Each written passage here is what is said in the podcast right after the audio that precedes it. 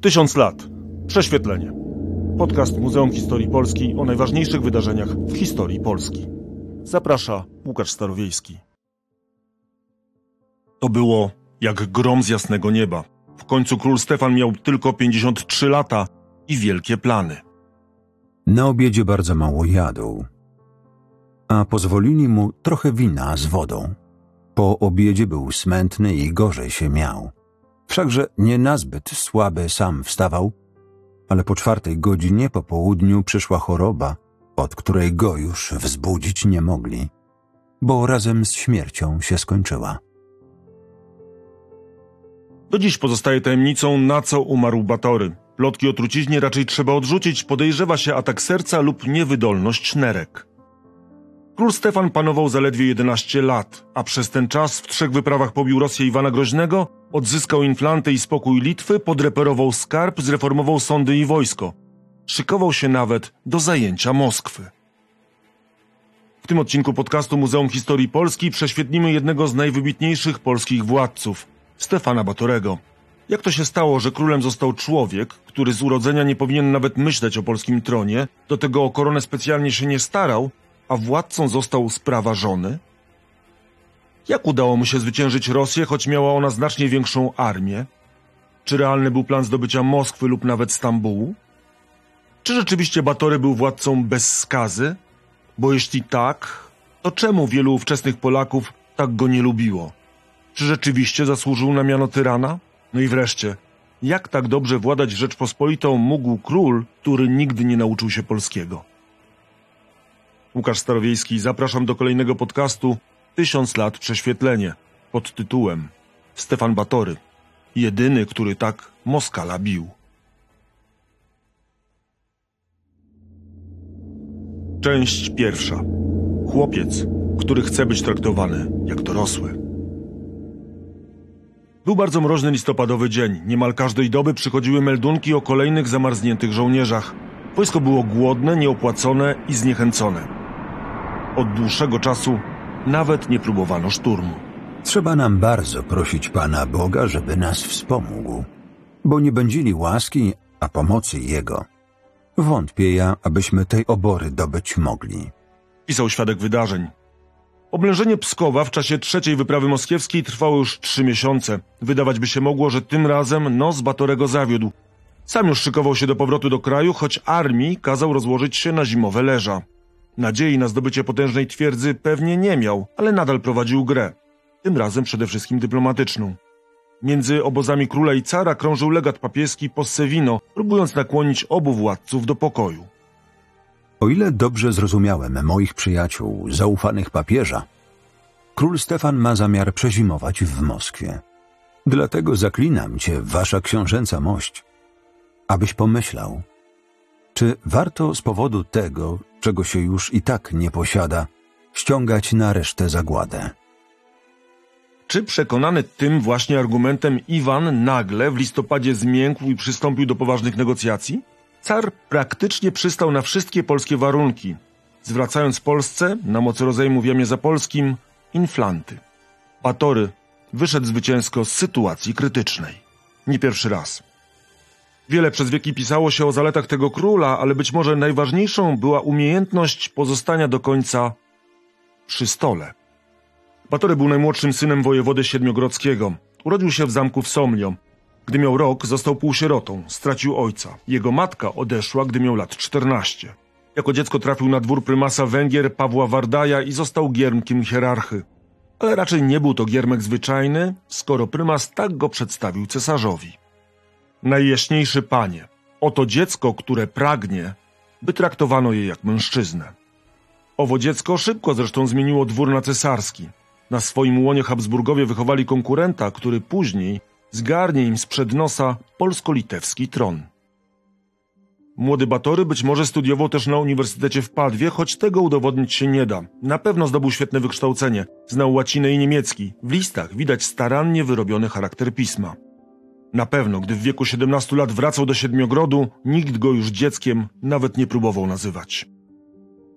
Z potężnego królestwa, jakim przez wieki były Węgry, pozostały strzępy. Środek kraju z Budą, Pesztem i Belgradem włączył do swojego imperium sułtan. Na wschodzie utworzone zostało, zależne od Turcji, księstwo Siedmiogrodu.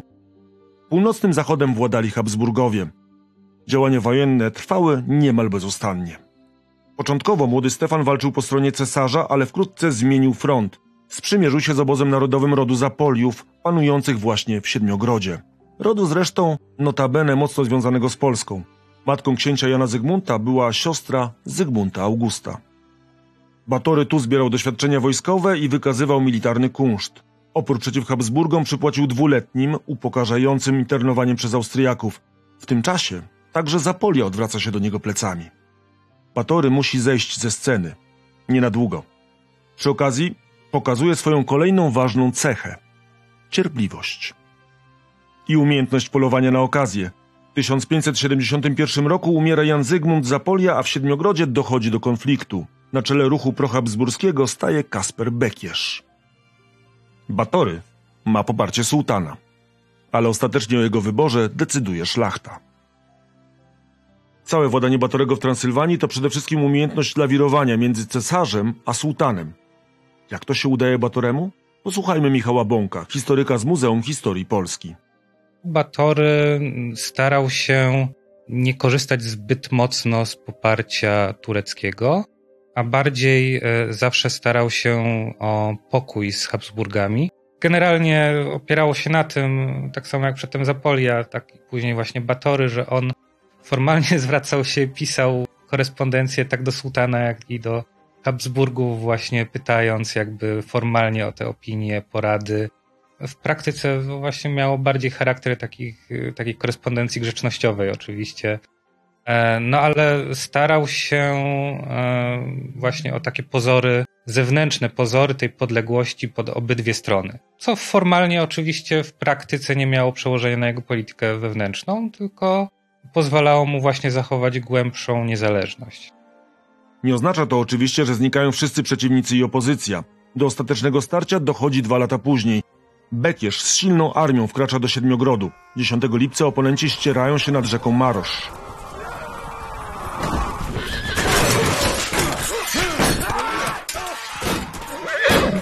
Bitwa jest zacięta i krwawa, ale zwycięża Batory. Po co jednak wspominać niewielkie starcie w wojnie domowej? Bitwa ta okazała się decydująca nie tylko dla sytuacji w Siedmiogrodzie. Głośne echo przetoczyło się po całej Europie, a szczególnie silne wrażenie zrobiło w Rzeczpospolitej, która właśnie stała na rozdrożu. Część druga. Niepoważny kandydat, mąż królowej, władca. Nim jednak prześledzimy drogę, która księcia z Transylwanii wyniesie na tron Rzeczpospolitej i uczyni z niego jednego z najlepszych polskich władców, warto na chwilę przystanąć, by przyjrzeć się sytuacji wewnętrznej kraju. Potężne państwo stało na skraju chaosu, anarchii i całkiem realnie zagrażała mu wojna domowa, a może nawet rozpad. Od wschodu muskuły prężyła Moskwa, która niedawno zdobyła Połock. Bacznie sprawą przyglądali się Habsburgowie, wietrząc możliwość zdobycia Wielkiego Łupu i knując wspólnie z Moskwą intrygę podziału ogromnego kraju. Gdy 7 lipca 1572 roku na zamku w Knyszynie, małej miejscowości na Podlasiu, umierał Zygmunt August, Rzeczpospolita po raz pierwszy od niemal 200 lat, tracąc króla, nie miała jego naturalnego następcy. Ba, nie było nawet zatwierdzonego sposobu na wybór kolejnego monarchy. Szlachta dość szybko doszła do porozumienia. Na podwarszawskich polach przeprowadzono pierwszą wolną elekcję. Królem obrany został brat władcy Francji, Henryk Walezy. Nie na długo wszakże. Pół roku od koronacji, gdy po śmierci brata otworzyła się przed nim możliwość objęcia tronu we Francji, Walezy potajemnie zbiegł. Rok później został w Polsce zdetronizowany. W Rzeczpospolitej rozpoczynał się drugi sezon Gry o Tron. Stefan Batory na Kraków tęsknym okiem patrzył już podczas pierwszej elekcji. Tak pisał do swojego brata Krzysztofa miesiąc po koronacji Walezego. Za słaby byłem, by sięgnąć po wolną, niedawno w Królestwie Polskim koronę. Miałbym wtedy już dziś wszystko, na co muszę jeszcze tyle lat czekać. Pisze to człowiek, który ledwie dwa lata wcześniej został księciem Siedmiogrodu, kraju o powierzchni około 100 tysięcy kilometrów, który za wasalny uważała Turcja, a Austria zwała prowincją. Potężna Rzeczpospolita wówczas była nawet dziewięć razy większa. Podobnie jak przy pierwszej elekcji, głównymi kandydatami byli cesarz Maksymilian II, car Rosji Iwan IV Groźny, król Szwecji Jan III Waza. Nazwisko księcia Siedmiogrodu brzmiało przy nich niezwykle skromnie, przynajmniej na początku. Nim jednak ruszymy na elekcyjne pole, poznajmy nieco bliżej naszego bohatera. Był to pan wysokiej urody i krasny dosyć. Twarzy pociągłej, płci rumiano-czarnej, włosów czarnych, a zębów dziwnie białych. Nosa kęs zakrzywionego, z jakim pospolicie Atylę malują. Pisał współczesny kronikarz Marcin Bielski. Porównanie do Attyli powtarza się w innych polskich przekazach. Jeśli nawet mieli podobny profil, to był to jedyny, poza talentem wojskowym, wspólny punkt ze sławnym z okrucieństwa wodzem Hunów. Batory potrafił wprawdzie skazać na śmierć swoich przeciwników, co miało miejsce po buncie Bekiesza, ale jak na owe czasy mógł wydawać się władcą i wodzem wręcz pobłażliwym. Samego Bekiesza przyjął jako doradcę i wojskowego dowódcę. Batory znany był też ze skromnego życia. Ubiera się skromnie, po węgiersku. Na głowie nosi kołpaczek przycięty krótko. Sypia w łóżku mającym trzy piędzi szerokości, bez kotary lub czegoś podobnego.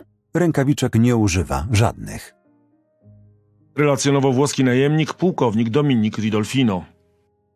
Wróćmy jednak na pole elekcyjne, a nawet cofnijmy się do kampanii wyborczej. Gdyby istniały wówczas sondaże przedwyborcze, Batory początkowo szorowałby w nich po samym dnie. Wyżej stały nawet akcje uważanego za egzotycznego kandydata Alfonsa, księcia Ferrari i Modeny.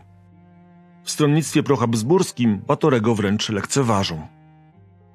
Śmieszne są usiłowania Batorego i na nic się nie przydadzą.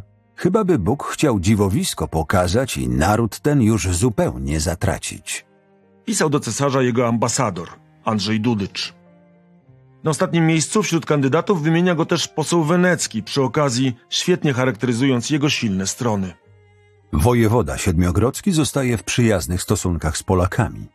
Jest od nich kochany i jeżeli przyjdzie do nowej elekcji, będzie przez niektórych podawany do tronu, jako pan katolicki, równie dobry do rady, jak i oręża, od którego Rzeczpospolita może spodziewać się znaczącego zasiłku na swe obecne potrzeby i bezpieczeństwa ze strony Turcji. W Polsce Batory ma niewielu stronników, ale wśród nich jest możny ród Zborowskich. Samuel po skazaniu na banicję chroni się na pewien czas w Siedmiogrodzie, ponoć namawia tam Batorego do startu.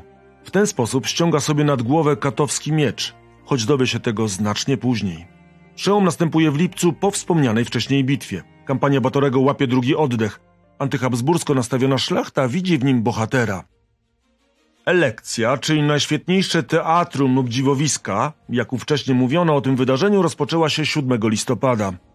W Senacie zdecydowaną większość głosów zdobył Maksymilian, a za księciem Siedmiogrodu nie wypowiedział się nikt. Ale to był zaledwie początek, a nie koniec gry o tron. Między Polakami a Niemcami na wieki zgoda być nie może. Struny niemieckie z polskimi się nie zgodzą, a orzeł czarny z białym. Aż do gardeł naszych nie chcemy Niemca. Rozniosło się po elekcyjnym polu.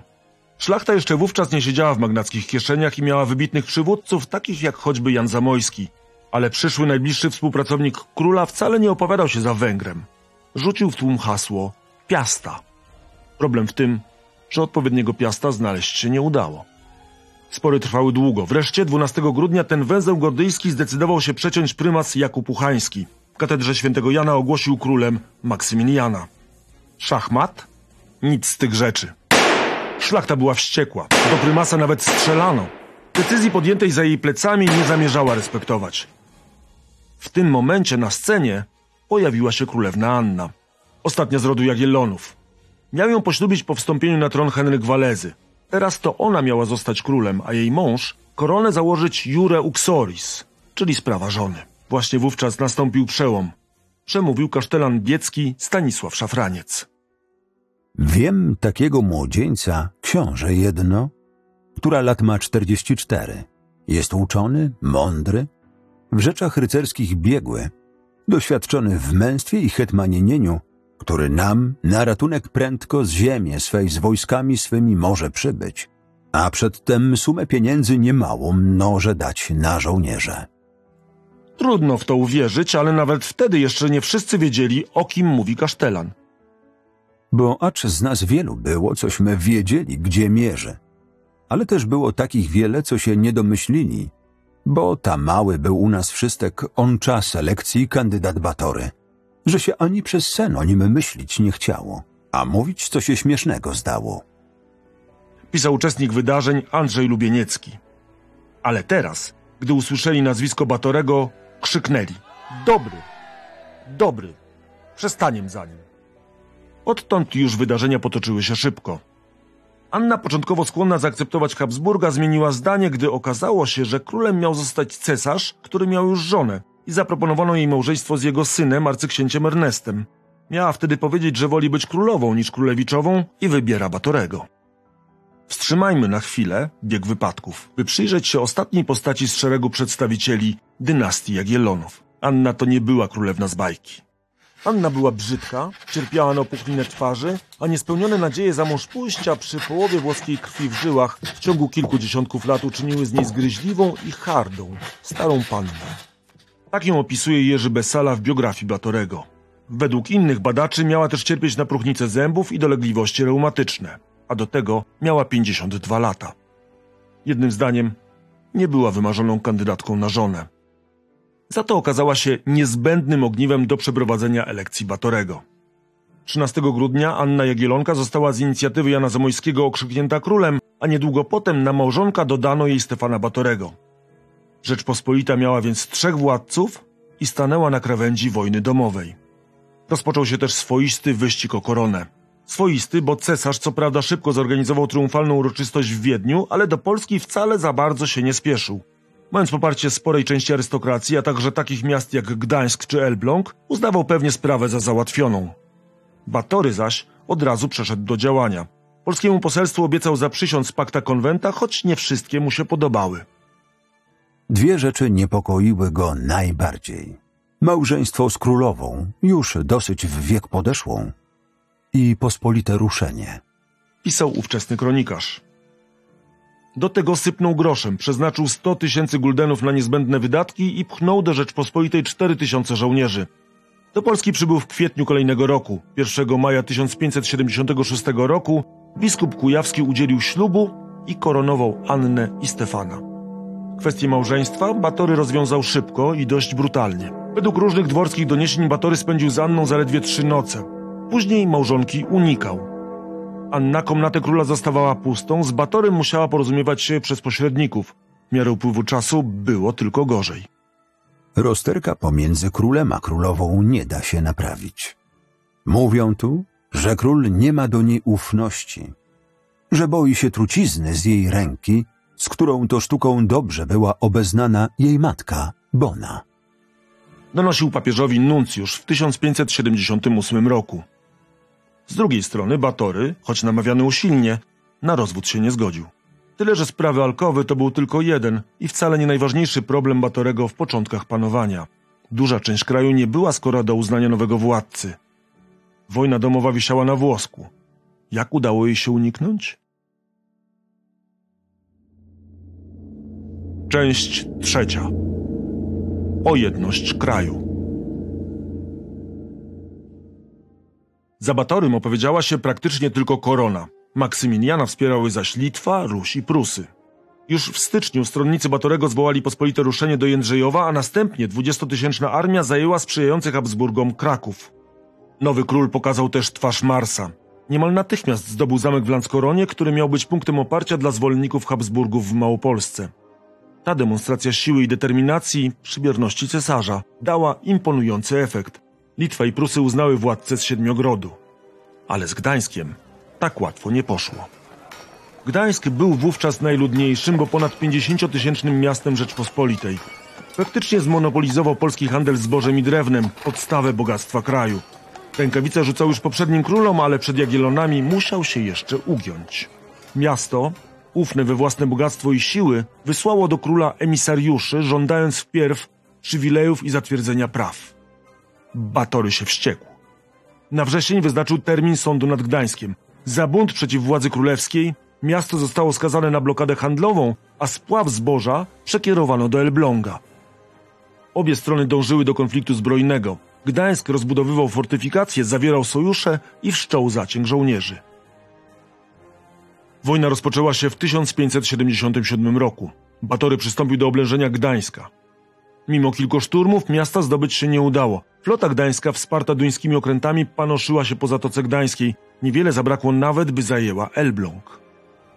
Gdańszczanie byli tak pewni swego, że nie poprzestając na obronie, wyprawili się przeciw wojskom królewskim i ponieśli klęskę. Ich 14-tysięczną armię rozbił w pył koło Tczewa Jan Zborowski, dysponujący ledwie 2,5 tysięcznym wojskiem. Olec miał aż 4 tysiące żołnierzy z Gdańska, ale nawet ta klęska nie złamała miasta. Bataremu porażka zaczęła zaglądać w oczy. Król musiał sięgnąć po rozwiązanie awaryjne. Toczone równolegle negocjacje przyniosły efekt w grudniu. Siła, zdecydowanie, połączone z cierpliwością i wyrachowaniem, to cechy, które pozwoliły Batoremu przekuć faktyczną porażkę prestiżowy i finansowy sukces.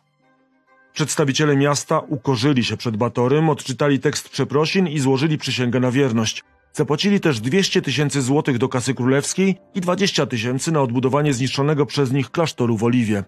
W zamian praktycznie zachowali wszelkie przywileje. Posłuchajmy Michała Bąka, historyka Muzeum Historii Polski. Bo w gruncie rzeczy Batory tę wojnę tak naprawdę przegrywa.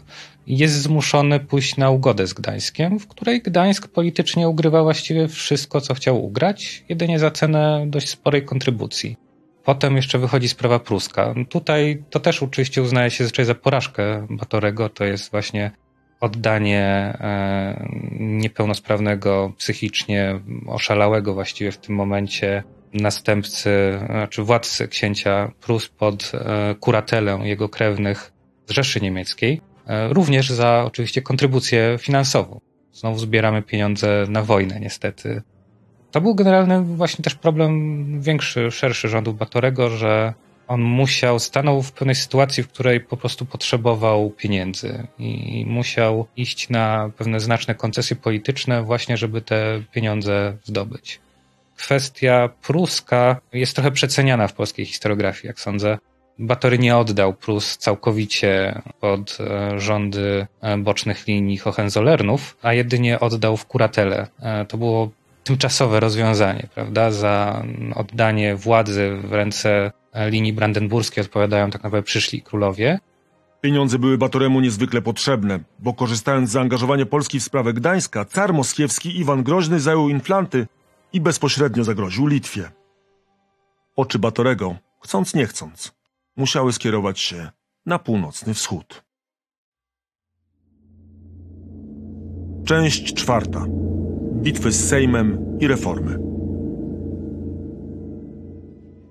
Nim jednak Batory na czele wielkiej armii ruszył na wojnę, by potwierdzić talent wielkiego wodza, musiał stoczyć inne, równie trudne starcie i udowodnić swoje umiejętności w grze parlamentarnej. Ile razy kilku poprzednich sejmów obraz sobie przypomnę, widzę jasno, że sejmy te zakończyły się nie tylko bez żadnej dla żblitej korzyści, ale owszem, ze szkodą najważniejszych spraw, a z największym naszym znudzeniem i przykrością. Pisał znużony i zniechęcony król pod koniec życia. W słowach tych jest mnóstwo goryczy i sporo przesady. Sejmowi z tamtych czasów daleko jeszcze do tego, co działo się w późniejszych wiekach. Liberum veto nikomu się nawet nie śniło. Pierwsza potyczka króla z posłami miała miejsce na Sejmie w Toruniu w 1576 roku. Batory chciał pieniędzy na wojnę z Gdańskiem. Parlament przeciwny był wojnie domowej i namawiał do rokowań. Do tego... Posłowie ziemscy, i to ci, którzy rej wśród szlachty wodzili, zamęczali króla Stefana, by zdał sprawę ze wszystkich swych czynności. Król zapłonął gniewem. Z woli Bożej wyście mnie królem swym obrali. Na wasze prośby i nalegania tu przybyłem. Wyście mi koronę na skronie włożyli. Jestem więc królem waszym, ale nie glinianym ani malowanym. Chcę królować i nie ścierpię, by mi ktokolwiek grał na nosie. Bądźcie sobie stróżami swej wolności, na to zgoda, ale od swawoli wara. Podobnie jak na polu bitwy, w manewrach politycznych nie brakuje mu talentu. Ma też cechę arcyważną. Umie dobrać współpracowników. Nieoceniony był zwłaszcza jeden. Jan Zamojski to zapewne jedna z najwybitniejszych postaci w całej historii Polski. Początkowo był jednym z przywódców ruchu szlacheckiego. Batory mianował go najpierw podkanclerzem koronnym, a później awansował na kanclerza i hetmana wielkiego koronnego. Na koniec oddał mu rękę swojej bratanicy, czternastoletniej Gryzeldy Batorówny. Ten założyciel miasta idealnego, Zamościa, był mistrzem gry sejmowej. Wielokrotnie przekonywał posłów do uchwalenia podatków na kolejne wojny, a gdy zachodziła taka potrzeba, przeistaczał się w wybitnego dowódcę wojskowego. To ten tandem ręka w rękę prowadził Polskę przez niemal całe panowanie siedmiogrodzianina. Czy Batory miał jeszcze poważniejsze plany wobec swego ulubieńca? Jeszcze raz posłuchajmy historyka z Muzeum Historii Polski Michała Bąka. Początkowe lata rządów Batorego to jest bez wątpienia ogromny wpływ Zamojskiego na szlachtę, jak i na samego Batorego. My w gruncie rzeczy nie jesteśmy w stanie jednoznacznie powiedzieć, na ile polityka Batorego jest polityką Batorego, a na ile jest w pewnych momentach przynajmniej polityką Zamojskiego, którego władza na dworze królewskim z czasem rosła coraz bardziej. Za tą władzą szła też pewna patologia władzy.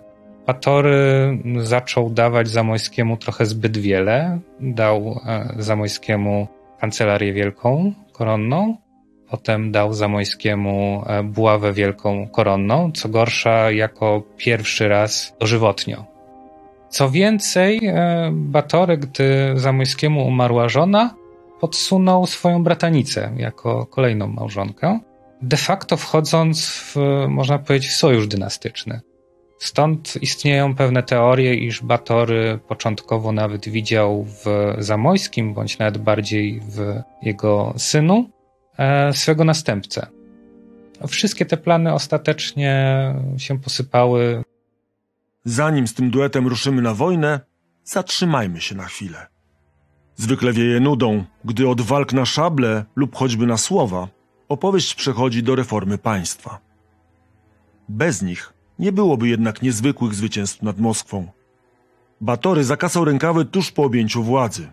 Przede wszystkim zdjął sobie z głowy sądy, do 1578 roku to król był najwyższym sędzią. Trafiały do niego apelacje zarówno w sprawach cywilnych, jak i karnych. Choć dawno już w zastępstwie monarchy wyroki wydawali komisarze, ten system był absolutnie niewydolny.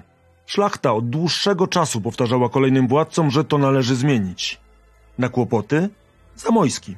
Pozbierał wcześniejsze projekty i stworzone zostały instytucje Trybunału Koronnego i Litewskiego, w których sądzili przedstawiciele szlachty i duchowieństwa. Ale praworządnością wojska się nie nakarmi. A z finansami kraju było krucho. Zarówno królewski, jak i publiczny skarbiec miast błyszczeć złotem czy srebrem świecił pustkami.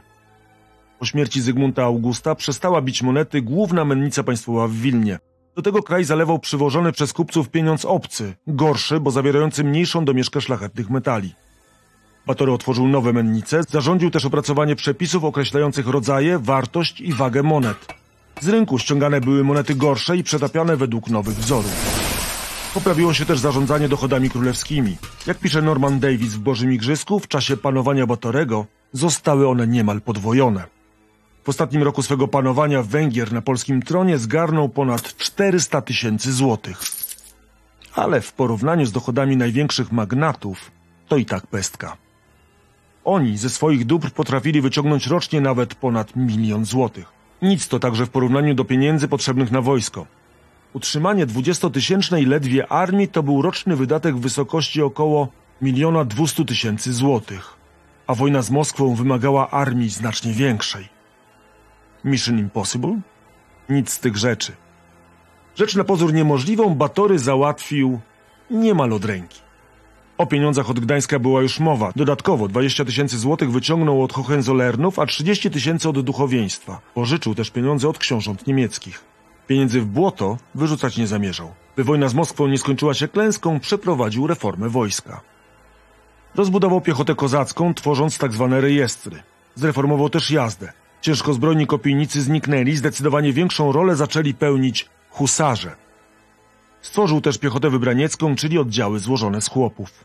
Znacznie wzmocnił artylerię i wojska inżynieryjne. To dzięki nim później odnosił tak wielkie sukcesy przy zdobywaniu twierdz. No i jako pierwszy polski władca na większą skalę prowadził zagraniczne zaciągi, głównie piechurów, z Węgier i Niemiec. Teraz był gotowy, by rzucić rękawice carowi. Część piąta. Trzy ciosy. Kampanie moskiewskie. Dopiero one ujawniają prawdziwy geniusz króla. W sumie Batory na Moskwę wyprawił się trzy razy. Za każdym razem wracał w glorii zwycięzcy. Ale zaczęło się jak zwykle od batalii sejmowej. Król do gry wypuścił swojego najlepszego gracza. Widzi to każdy, jako na tym wiele należy, aby moskiewski nieprzyjaciel tamtych zamków, które pobrał i za małego czasu przedłużeniem nie umocnił, gdyż z nich ma prostą, a krótką drogę do Wilna, ma także i do Prus. Trzeba się na to oglądać. Głosił w Sejmie Zamojski w styczniu 1578 roku. Nie przesadzał wcale kanclerz. Moskiewski niedźwiedź apetyt miał nienasycony. Tak przyjęcie polskiego poselstwa przez Iwana Groźnego opisuje ówczesna kronika. Gdy przed carem moskiewskim poselstwo odprawiali, nie dał im mówić i słowa o inflanckiej ziemi. I owszem, jeszcze upomniał się o ziemię kurlandzką i inne pomorskie krainy aż do Prus, potwierdzając swoje prawo dziedziczne nie tylko na to, ale i na całe Prusy, i na połockie i litewskie państwo. Trudno się dziwić, że Sejm tym razem długo z podatkami na wojsko nie zwlekał. Pierwszy z trzech ciosów Batory wyprowadził w kolejnym roku. Koncentrację wojsk wyznaczono w miejscowości o dźwięcznej nazwie Świr, 80 km na wschód od Wilna. Nic nie zostało zostawione przypadkowi. Stąd można było iść na Smoleńsk, Połock, Psków lub Inflanty. Każdą wyprawę warto rozpocząć od przeglądu wojsk. Armia liczyć miała 56 tysięcy żołnierzy, nowocześnie uzbrojonych z dużą liczbą piechoty. Siły moskiewskie miały być w sumie znacznie większe, nawet dwustutysięczne, ale rozproszone, choćby po wielu twierdzach. To wydaje się niemożliwe, ale według świadków epoki, król przybywając do obozu nie był jeszcze pewny celu wyprawy. Nie znaczy to, że był nieprzygotowany. Dobrze znał potencjalne kierunki. Praktycznie jako pierwszy polski władca zatrudniał kartografów, którzy tworzyli mapy. Decyzja zapadła podczas Rady Wojennej. Litwini proponowali atak na Psków. Król postanowił jednak, że najpierw trzeba uwolnić brzeg rzeki Dźwiny, będącej głównym szlakiem transportowym Litwy, nad którym panował Połock. Nie po raz ostatni Batory wyprowadził Iwana w pole. W strategicznych szachach car przegrywał z królem każdą kolejną partię. Moskiewskie wojska rozpoczęły koncentrację w okolicach Pskowa. Ale droga pod Połock to nie była autostrada. Trafił się niezwykle deszczowy lipiec, do tego Iwan, kiedy kilkanaście lat temu wcześniej zdobył ten teren, nakazał posadzić nad drzwiną las. By przedostać się pod twierdzę, żołnierze musieli mocno popracować toporami. Pod Połockiem ubłocona od stóp do głów armia Batorego stanęła 11 sierpnia. Twierdza oblewana wodami Dźwiny i mniejszej Połoty miała dwa zamki. Ochroniały one otoczone grubym wałem miasto zwane Zapołociem. Obrońców było sześć tysięcy. A deszcz padał i padał, co uniemożliwiło podpalenie drewnianych umocnień.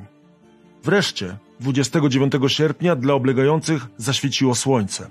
I to dosłownie. Ochotnicy skuszeni nagrodami rzucili się do podpalania. Udało się Kotlarczykowi z Lwowa, którego potem Połotyńskim nazwano. Udało się zrobić wyłom, który spowodował, że choć nie powiódł się szturm Węgrów, kolejnego dnia połocki garnizon poddał się. Król w zamian za kapitulację pozwolił opuścić zamek załodze i jej rodzinom. Co więcej, postawił straże, by nikt na uchodzących nie napadł. Mógł być pewny, że sprawę załatwi za niego Iwan. Car zwykle karał gardłem za poddanie twierdzy. Cel został więc osiągnięty, Ołock zdobyty. Ale wyprawa jeszcze nie jest zakończona. Batory wysyła silne oddziały do zdobycia pozostałych twierdz w regionie. Król sukcesem zbyt długo się nie napawa. Z Sejmu wyciska nowe podatki i kolejnego lata wyprowadza cios drugi. Podobnie jak rok wcześniej, do ostatniej chwili nikt nie wie, w jakim kierunku skieruje ostrze. Padają propozycje ataku na potężne Psków i Smoleńsk. Król uważa to za zbyt duże ryzyko. Postanawia, że lepiej będzie kontynuować odcinanie Inflant od Moskwy i decyduje się uderzyć na Wielkie Łuki. Pod koniec sierpnia armia Batorego znów staje pod potężną twierdzą. Tę oblewały wody jeziora i pobliskiej rzeki. Otaczał wysoki, gruby wał drewniano-ziemny. Szczęśliwie nie lało, więc obwarowania zdołano podpalić po kilku dniach. 4 września obrońcy się poddali. Tym razem rygoru utrzymać się nie udało. Wbrew rozkazowi króla, żołnierski motłoch wdarł się do zamku. Za czym haniebne wielkie morderstwo nasi czynili, mszcząc się za swoich, co ich pobito. I nie mieli respektu. Tak stare, jako i młode niewiasty i dzieci, wszystkie mordowali. Czego nie mogąc uhamować starsi, jechali precz. Najbardziej zuchwałych oprawców spotkała kara. Ogień dotarł do prochowni. W wybuchu zginęli praktycznie wszyscy, którzy wówczas przebywali w obrębie murów. Król był wściekły. Liczył, że uda się zachować twierdzę i wzbogacić arsenał. Teraz musiał twierdzę odbudowywać. Dwa wielkie i szybkie zwycięstwa przyniosły łupy i splendor, ale jeszcze nie ostateczny triumf. Iwan, wyraźnie przestraszony, wysyła poselstwo, obiecując oddanie Inflant z zachowaniem kilku twierdz. Batory żąda całej prowincji, a także zajętej już części Rosji oraz pokrycia kosztów wojny w wysokości miliona węgierskich dukatów. Nie zgadza się też na rozejm. Po dwóch knockdownach parł do nokautu, a w słowa podczas Sejmu ubrał to niezawodny Zamojski. Trzeba mu nie tylko pierze wyrwać, aby nie porosły, ale barki strącić. Trzeba go zrazić od morza. Stamtąd może być posilany praktykami, materiałem wojennym, rzemieślnikami. Tym razem celem była jedna z najpotężniejszych moskiewskich twierdz. Przy Pskowie, Połock czy Wielkie Łuki to były ledwie zameczki. Patrzymy już na Psków. O Jezu, toć wielkiego coś, by drugi Paryż. Pomóż nam do niego, Panie Boże. Pisał świadek wyprawy. Psków był opasany wodami dwóch rzek i podwójnymi, grubymi na 3,5 metra murami o obwodzie 10 kilometrów. Załoga liczyła 20 tysięcy żołnierzy, świetnie zaopatrzonych zarówno w zapasy prochu, jak i żywności. Pod miasto Wojsko Rzeczpospolitej w sile około 50 tysięcy dotarło w ostatnich dniach sierpnia. Niewiele brakowało, by niezdobyta twierdza padła zaledwie w kilka dni. 8 września oblegający wdarli się do miasta przez wyłom w murze. Po paru godzinach zostali jednak wyparci. To, jak się okazało, była najlepsza, ale stracona okazja do zdobycia miasta. Obrońcy szybko mur załatali, a oblegającym wkrótce skończył się proch. Batory nigdy dotąd tak wielkiego błędu nie popełnił, a historycy do dziś zachodzą w głowę, jak to się mogło wydarzyć.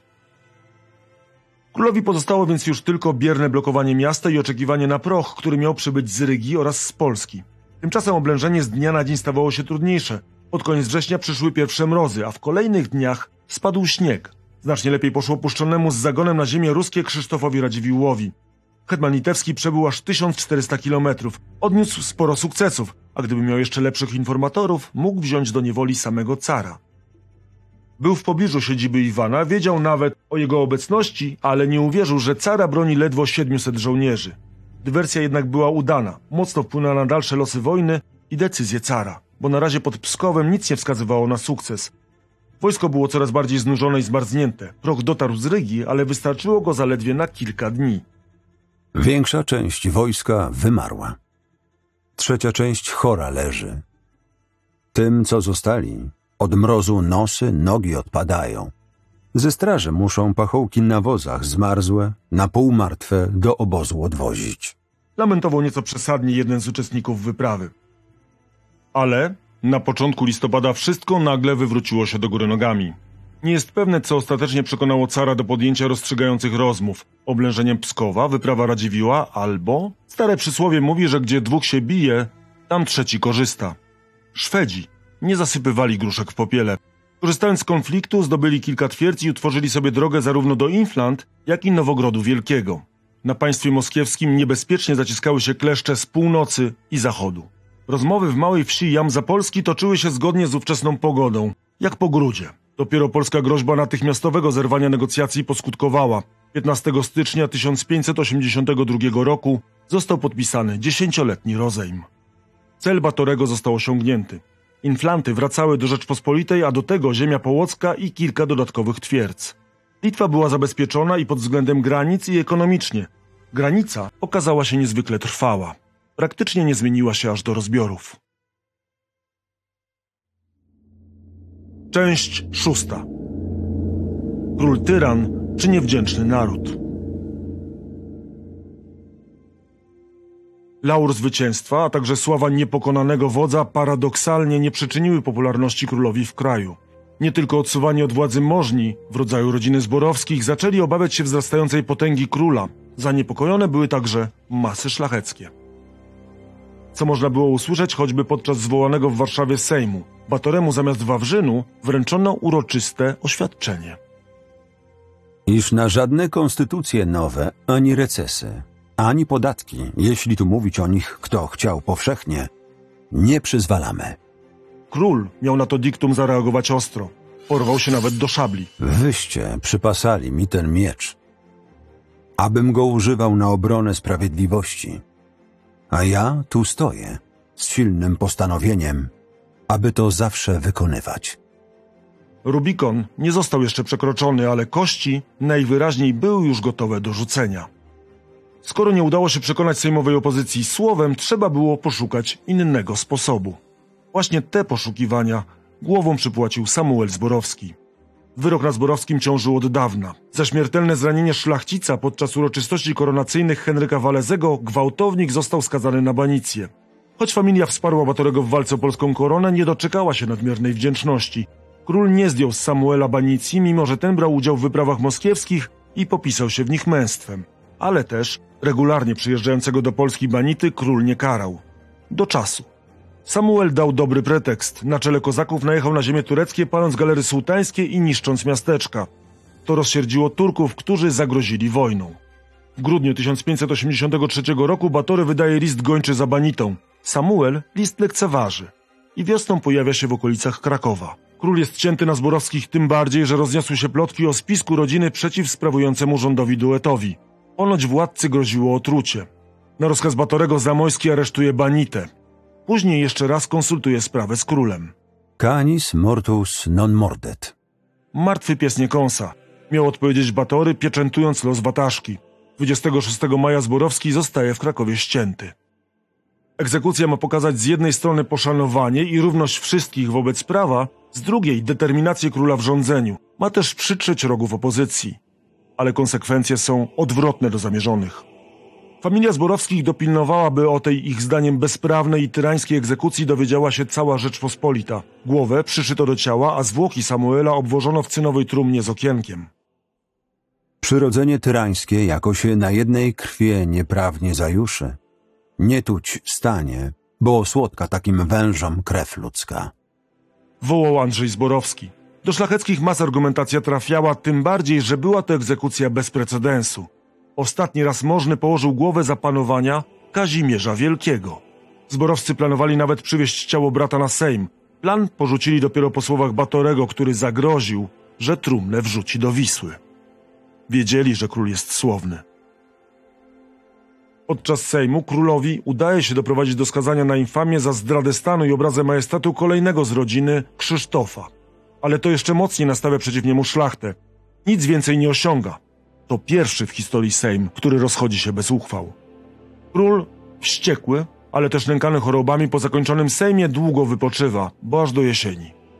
Mówi się nawet o apatii. Życie jednak nie znosi próżni. Historia też. W marcu kolejnego roku umiera Iwan Groźny, a tron obejmuje ociężały Fiodor. Batory może snuć naprawdę wielkie plany. Nowa wyprawa na Rosję? A może przystąpienie do montowanej przez papieża Ligi Antytureckiej? Albo korona Węgier i Czech, o czym mówią tamtejsi możni? Batory znów rzuca się w wir wielkiej polityki. Papieskiemu wysłannikowi, namawiającemu go do walki z Osmanami, odpowiada. Ale gdyby król Polski miał kiedyś to państwo Moskwę pod swoją władzą, mógłby zniszczyć Turków, mając wyborną drogę wodną. To jest dwie ogromne rzeki, Wołgę i Don. Tymi rzekami można by bez przeszkody wyprawić wielką flotę przeciw cesarstwu tureckiemu.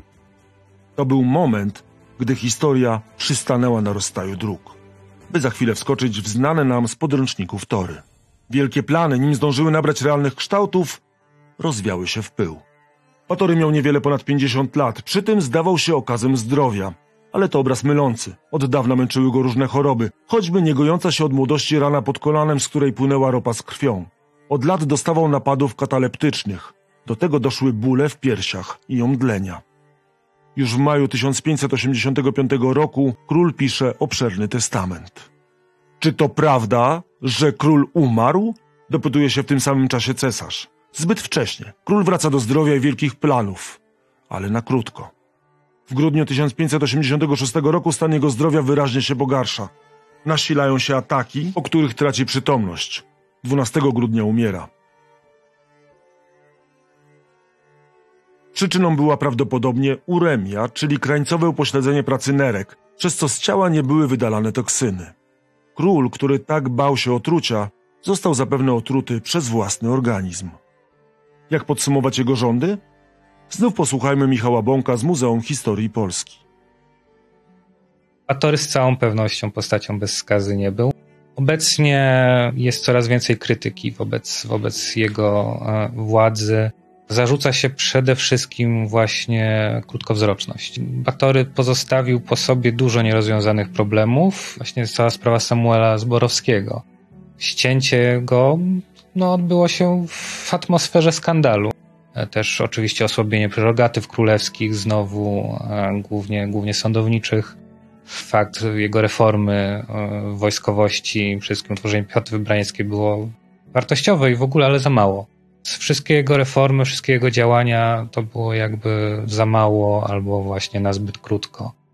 To samo z Moskwą w gruncie rzeczy wojna była wygrana, ale no, zakończyła się tylko rozejmem dziesięcioletnim i sprawa moskiewska też nie była zamknięta. Kolejna sprawa, no właśnie sprawa następstwa, której Batory zupełnie nie, nie, nie rozwiązał. Batory mimo wszystko, trzeba podkreślić, był kompetentny. Było kilka porażek, kilka niedociągnięć, ale mimo wszystko okres rządów batoriańskich sam w sobie jest oceniany pozytywnie. Śmierć zastała Stefana Batorego w połowie drogi, ale i tak patrząc na jego życie i dokonania można powiedzieć o niezwykłej karierze i osiągnięciach. Zaczynał jako sierota w możnym rodzie prowincjonalnego państewka, jako dworzanin przeszedł przez dwory biskupa i cesarza, a przejął rządy najpierw w Siedmiogrodzie, a później w Rzeczpospolitej, by stać się jednym z najpotężniejszych władców ówczesnego świata. Nawet wrogowie przyznawali, że był nie byle jakim władcą. Takim był panem, iż niejedno lwy wiodąc jako z łaski Bożej naród polski, ale by i jelenie wiódł, nie przegrał, by był z nimi. Mówił o nim wielki wróg, Andrzej Zborowski. Niewielu było też monarchów, którzy tak skutecznie walczyliby z Moskwą, Trzeba też podkreślić sprawność. To on uporządkował sądownictwo, armię i finanse. I tylko na demokracji szlacheckiej zęby sobie połamał. Ale nie on jedyny. Tak jego rządy spuentował Norman Davis w Bożym Igrzysku. Batoremu udało się na krótko dokonać rzeczy niemożliwej. Rzeczpospolitą pozbawioną budżetu i zaledwie zdolną do własnej obrony przekształcił w mocarstwo. Można jedynie dopowiedzieć, szkoda, że na tak krótko. Batory, przypomnijmy, królował w Polsce zaledwie 11 lat.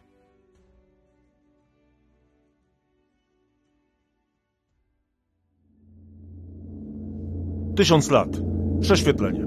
Podcast Muzeum Historii Polski o najważniejszych wydarzeniach w historii Polski. Podobał Ci się ten podcast? Posłuchaj innego o tym, czy bitwa pod Wiedniem to był wielki triumf, czy fatalna pomyłka króla Jana. Podcast pod tytułem Odsiecz Wiedeńska. Historyczny błąd, czy strategiczna konieczność. Podcastów Tysiąc lat prześwietlenie wysłuchasz na YouTube, Spotify, Google Podcast, Audiotece, a także na innych platformach podcastowych. Chcesz być na bieżąco? Subskrybuj kanał Muzeum Historii Polski.